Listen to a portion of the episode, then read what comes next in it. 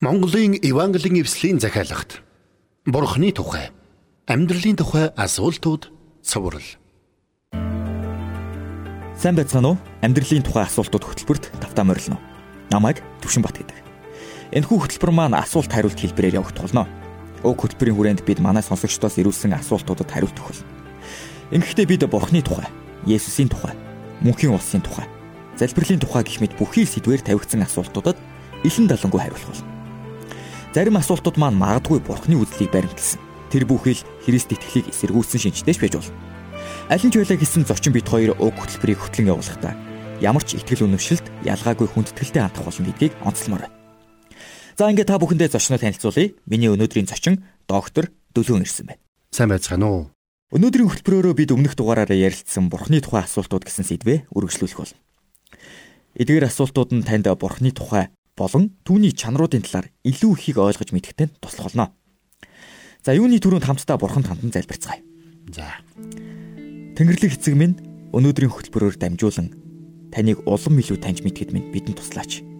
Есүсийн нэрээр залбирлаа. Амен. Амен. Ингээд хөтөлбөрөө эхлэе. Би асуултыг уншаад зочин маань хариултыг нь өгөх болно. За энэ эхний асуулт нэг ийм асуулт байна. Бурхан хүмүүсийг хянан цагдж биднийг алдаа гаргахыг анан хүлээж байдаг юм шүү гэсэн асуулт. За үгүй. Бурхан биднийг алдаа гаргахыг хүлээж байдаг нэг юм биш. Зарим хүмүүс Бурханыг тэнгэрт суугаад биднийг алдаа гаргахыг отож байдаг хатуу сэтгэлтэй шүүгч мэтэр зургалдаг л да. Мэдээж Бурхан бидний үйлдэл бүрийг харж байдаг. Гэхдээ тэр биднийг алдахыг хүлээн отож байдаг юм биш. Харин биднийг өрөвдөн хайрлж байдаг. Тэр таны талаар бүхнийг мэднэ. Таныг ядарч туйлдаж, сэтгэлээр унах үед Бурхан тантай хамт байдаг. Бас таныг аз жаргалтай эсвэл гониг зовлонтой байгаа гэж тэр маш сайн мэдэж байдаг. За хоёр дахь асуулт.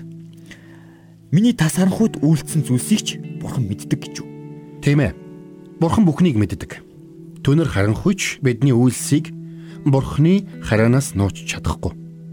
Түүний үгэнд хэлэхдээ хэрэг би харанхуй үнэхээр намайг нөмөрнө. Намайг хүрээлэгч гэрлэн шүн гэвэл харанхуйч танд харанхуй биш бөгөөд шүнж өдөр мэд гэрэлтэн гэсэн байдаг. Мөн бурхан биднээс надад харагдахгүй байхаар хүн далд газруудад нуугдж чадах уу хэмээн асуусан байдаг. Тиймээс бурханы мэлминээс нуугдж чадах зүйл гэж нэгч үгүй гэдгийг бид ойлгох хэрэгтэй. Ер нь бид бурханаас нуугдж чадах уу? Үгүй. Хинч бурханаас нуугдж чадахгүй. Библиэд хэлэхдээ түүний мэлми хүний замуудын дээр тогтож Тэрээр бүхий л алхмыг нь хардаг. Ёс бусыг үйлдэгчд нуугдж болохоор тийм харанхуй, үхлийн харанхуй байдаггүй билээ гэсэн байдаг. Маш олон хүн өөрсдийгөө бурхнаас нуугдж чадна гэж боддог. Гэвч бурхны үг болох Библиэд хэлэхдээ тэд эзэн хардаггүй. Яаковын бурхан анзаардаггүй гэдэг. Ард түмний дундах бодлогогүй ч үдэ. Ухаарцгаа. Тэнгүүдэ та нар хизээ ойлгох юм бэ? Чихийг бүтээсэн тэрээр сонсохгүй гэж юу? Нүдийг бүтээсэн тэрээр харахгүй гэж юу? гэсэн байдаг. Үнэхээр бурхнаас нуугдж чадах хүн нэг ч үгүй. За энд нэг юм асуулт байна. Бурхан хаана байдаг юм бэ? Хэрвээ бид бурхныг нүдэрээ харж чадахгүй бол түүнийг хаана байдгийг бид яаж мэдх юм бэ? За бид ихэвчлэн бурхан тэнгэрт байдаг мэтээр ойлгож ярьцгаадаг. Мэдээж энэ үнэн. Гэхдээ бурхан энэ дэлхий дээр ч мөн бидэнтэй хамт байдаг. Үнэн дээр бурхан хаа сайгүйгээр оршин байдаг. Бурхан бол сүнс. Тиймээс хүмүүс бидний шиг цаг хугацаа орон зайд хязгаарлагддаггүй. Бурхан бүхий л газарт нэгэн зэрэг байж чаддаг. Бурхан хүн шиг нэг газраас нөгөө газар руу явдаггүй. Тэр хаа сайгүйгээр нэгэн зэрэг оршдог. Бурханы оршихуй байхгүй газар гэж нэг ч байхгүй. Тиймээс ч Библиэд хэлэхдээ таны сүнснээс би хаашаа одох вэ? Эсвэл таны оршихугаас би хаашаа зогтох вэ? Хэрв би тэнгэрүүд очивол та тэнд. Хэрв би үхгсдийн оронд ор дээрээ засвал харагтун та тэнд гэсэн байдаг. Бурхны энэ бүх газарт нэгэн зэрэг байдаг мөн чанарыг илэрхийлэхдээ хаа сайгүйгээр оршигч гэсэн үгийг хэрэгэлдэг. Бурхан аль нэг газарт нөгөө газараасаа илүүгээр оршин байх боломжтой юу? За үгүй. Бурхан цаг ямагт хаа сайгүйгээр оршин байдаг. Ингэхдээ аливаа газруудад харилцсан адилгүй их баг хэмжээтэйгээр оршдог биш. Харин бүх газарт яг адил бүрэн төгс байдлаар оршдог. За жишээ нь бурхан Солонгост хин нэгэн хүнтэй байхдаа Яг нэгэн зэрэг Монголд өөр нэгэн хүнтэй хамт байдаг. Намайг яг одоо яриад сууж байхдаж Бурхан бидэнтэй хамт байгаа. Энэ хөтөлбөрийг сонсож байгаа тантай ч бас хамт байгаа. Учир нь тэр бол цаг ямагт хаа сайгүйгээр оршин байдаг Бурхан юм. Бурхан аль нэг улс үндэстэнтэй бусад улс үндэстнүүдээс илүү ойр байдаг болов Бурхан хаа сайгүйгээр оршин байдаг гэдг нь Бурхан альж улс үндэстэн, хот тосхон, орон байранд яг л адилхан оршин байдаг гэсэн үг. Тэр газар бүрт оршин байдаг. Бурхан хэн нэгэн хүнийг эсвэл аль нэг улс үндэстнийг бусдаас нь илүүд үздэггүй. Тиймээс ч бүхий л хүмүүс, бүхий л улс үндэстнүүдтэй адилхан цаг үргэлж хамт байдаг. Тэр хүн шиг ирж буцадаггүй. Цаг үргэлж хаа сайгүйгээр оршин байдаг. Бурхан хаасайгүй нэгэн зэрэг оршин байдаг гэдэг нь энэ тэндгүй бурхны жижиг хилтерхиинүүд байдаг гэж ойлгож болох уу? Үгүй үгүй. Бурхан хаасайгүйгээр оршин байдаг гэдэг нь энд тэндгүй түүний жижиг хилтерхиинүүд байдаг гэсэн үг биш л дээ. Бурхан бол бодгаал бурхан. Тиймээс тэр хаасайгүйгээр оршихдоо өөрийн бүхэл бодгаалаар оршдог. Тэгвэл бурхан амьтаа амьгүй бүх зүйл дотор оршдог гэсэн үг. Бурхан бүтээлүүдээс ангид оршдог Тэр хаа сайгүйгээр оршин байдаг ч бүтээлүүд болон байгаль дэлхийн нэг хэсэг болж оршдоггүй. Хэрвээ байгаль дэлхийн эд зүйл дотор бурхан оршин байдаг гэж үзвэл энэ нь пантеизм хэмээх итгэл үнэмшил болж хувирна. Энэ бол бүх зүйл бурханлаг бөгөөд бүх зүйл дотор бурхан оршин байдаг гэж үзэх алдаатай итгэл үнэмшил юм а. Жишээ нь бурханы оршихуй ой дотор байдаг ч бурхан модноос ангид оршдог гэсэн үг.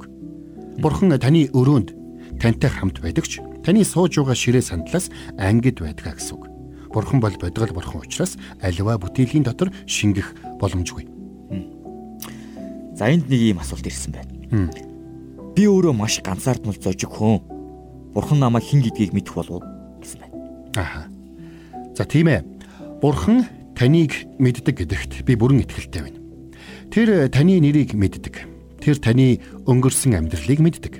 Тэр таны одоогийн нөхцөл байдлыг ч мэднэ. Тэр бүхэл тэр таныг эхийн хөвлөгөөс мэдлэхээс чинь ч өмнө мэддэг байсан. Тиймээс ч бурхан эхийн хөвлөд чамайг бүрэлдүүлэхээс өмнө би чамайг мэдэж байсан гэж айлцсан байдаг. Бурхан үнэхээр та биднийг мэддэг.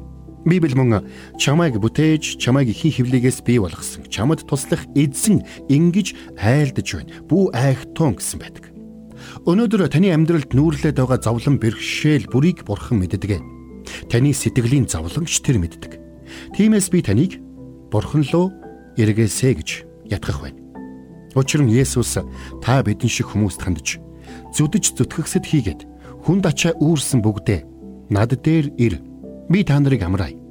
Буулгыг минь өөрсөд дээрээ ав. Надаас сур. Би дүлгөн зүрхэндээ дарав. Та нар сэтгэлдээ амралтыг олох болно. Буулга минь аятай, ачаа минь хөнгөн химэн өрн дуудсан байдаг юм шүү. Өөр нэг асуулт байна. Бурхан надад санаа тавьдаг болов уу? Бурхан танд санаа тавьдаа гэдгийг би мэднэ. Учир нь тэр танд маш их хайртай. Бурханы хамгийн агуу чанаруудын нэг нь бидэнд хандсан түүний агуу хайр инэрл юм. Бурханы үг болох Библиэд хэлэхдээ Бурхан ертөнцийг үнэхээр хайрласандаа цорын ганц хүүгээ өгсөн тул хүүд идэгдэг бүхэн мөхөхгүй харин мөнх амьтай байх болно гэсэн байдаг. Үнэхээр тэр таны өдөр тутмын амьдралын деталь нэг бүрт анхаарлаа хандуулж байдаг. Бурханы үг болох Библиэд хэлэхдээ тэр та нарт санаа тавьдаг учраас бүх завинлоо түүнд хай. Ачаага эзэнд даадаг. Тэр чамайг түшин тэтгэн гэсэн байдгийг битгий мартаарай. За энэ шинхэн итгэгчийн асуулт болтой. Есүс гэж хин юм бэ гэсэн байна. За. За Есүс бол Бурхны хүү. Тэр бол Бурхан. Тэр энэ дэлхийд ирэхдээ онгон майраас мэндэлсэн. Тэр өсч том болоод гим нүгэлгүй амьдралаар амьдарсан. Библиэд түүний тухай өгүүлэхдээ нүгэлгүй атлаа. Бүх талаар бидэн шиг соригдсон нэгэн гэсэн байдаг. Есүс хүмүүст маш олон чухал үннийг зааж сургаж байсан. Тэр маш олон агуу гайхамшгуудыг үйлдэж байсан. Тэр өвчтөө хүмүүсийг эдгэж, чөтгөрт эзэмдүүлсэн хүмүүсийг чөлөөлж байсан. Тэр бүхэл үгсэн нэг нэгч амьдруулж байсан. Тэрээр 33 настайдаа ромчуудын гарт модон загалмайд цовдлогдож амиа өгсөн. Ингэхдээ тэр бидний гим нүглийн төлөө амиа өгсөн юм. Гэхдээ бүх зүйл үүгээр дуусаагүй. Тэрээр 3 өдрийн дараа үхлээс амилсан байдаг. Ингээд шав нартайгаа 40 өдрийн турш хамт байсны эцэст тэр тэнгэр өөд одсон. Тийхүү тэнгэр өөд одохдоо тэр хожим дахин ирэх болно гэдгээ амласан билээ. Би хэрхэн Есүсийн дагалдагч болох вэ гэсэн байна. За та гим нүглээсээ эргэж Есүс Христэд итгэснээр түүний дагалдагч болох болно. Есүс Христэд итгэх гэдэг нь Есүс Христэд итгэснээр таны гим нүгэл уучлагдж Бурханаас мөнхийн амийг хүлээн авна гэдэгт итгэнэ гэсэн үг юм. Бурханы үгэнд хэлэхдээ харин өөрийг нь хүлээн авсан болгонд өөрийнх нь нэрэнд итгэгчдэд тэрээр Бурханы хүүхэд болох эрхийг өглөө гэсэн байдаг. Тиймээс та гимшил болоод итгэл дотроос Есүс Христ рүү эргэх нь чухал юм. Гимшил болон итгэлийн талаар та тайлбарлаж. За тэгье. Гимших гэдэг нь гим нүглээсээ эргэж Есүс Христ рүү хандна гэсэн үг. Энэ нь та гим нүглээ буруу гэдгийг хүлээн зөвшөөрч гим нүглийнхээ төлөө харуулсаж Есүс Христ рүү итгэлээр харна гэсэн үг. Энэ утгаараа гимшил гэдэг нь бодол санааны өөрчлөлт юм мөн өвөлдсөн гим нүгэлдээ харамсан гашуудах сэтгэл хөдлөлийн өөрчлөлт юм. Цаашилбал гим нүглээс эргэж бурхныг даган амьдрах шийдвэр гаргаж байгаа хүсэл зоригийн өөрчлөлт юм а. Энэ утгаараа гимшил нь хоёр талтай үйлдэл. Нэг талаас та гим нүглээс эргэж а нөгөө талаас та Есүс Христэд итгэлээ өгнө гэсэн үг. Есүс Христэд итгэх гэдэг нь түүнийг аврагч эзнээ болгон хүлээн авна гэсэн үг.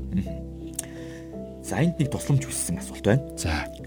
Би Есүст итгэж, Есүсийн дагалдагч болохыг хүсэж байна. Надад туслаач гэсэн.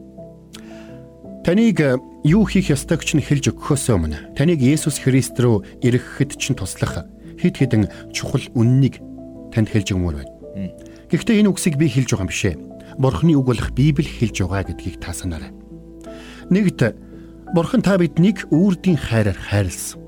Бурхны үгэнд хэлэхдээ Бурхан ертөнцийг үнэхээр хайрласандаа цорын ганц хүүгээ өгсөн тул хүүд идэгдэг бүхэн мөхөхгүй харин мөн хамтай байх болно гэсэн байдаг.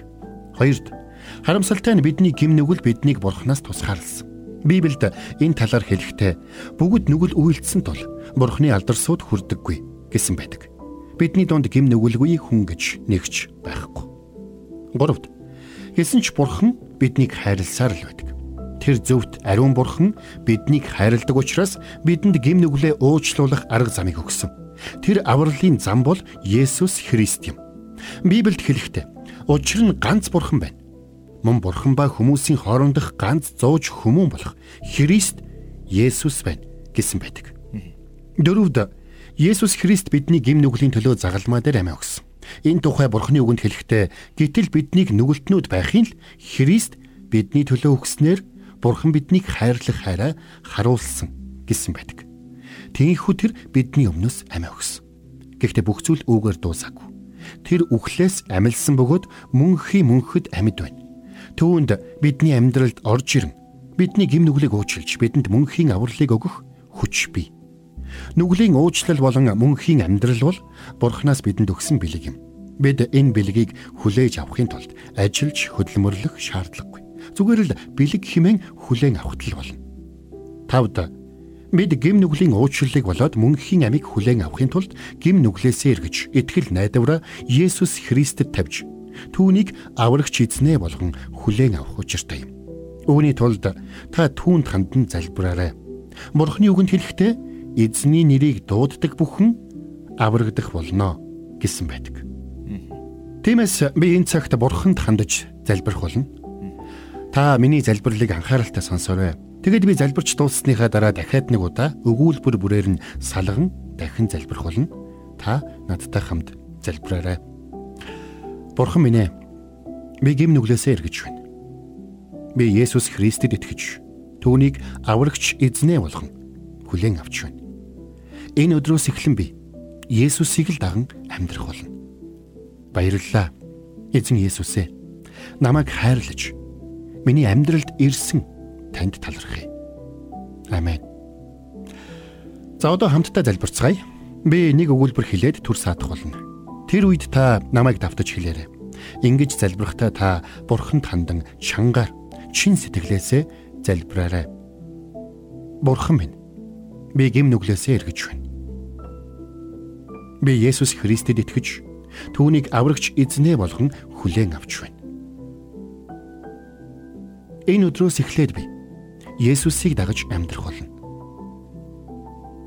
Баярлалаа эзэн Есүс ээ. Намайг хайрлаж миний амьдралд ирсэн танд талархъя. Амен. Энэ онцгой залбирлыг хамт хийсэн танд баярлалаа. Бурхны гэр бүлд тавтай морилно. Тавтай морилно. За тэгэхээр үргэлжлүүлэн асуултаа асууя. Есүст итгэж болсон би цаашид хэрхэн амьдрах ёстой вэ? За маш чухал асуултыг асуусан танд баярлалаа. Бид Есүс Христийг аврагчаа болгон хүлээн авна гэдэг нь түүнийг даган амьдрах шийдвэр гаргаж байна гэсэн үг. Бид түүнд итгэсэн мөчид гимнүглийн уучлалыг болоод мөн хэмиг Бурханаас хүлээн авдаг. Түүгээр зогсохгүй ариун сүнс бидний дотор нутаглаж бидний өдөр тутмын амьдралд бидэнд тусалж эхэлдэг. Учир нь Бурхан биднийг Есүс Христэд итгэх итгэл дотор ямагт өсөж угаасаа гэж хүсдэг.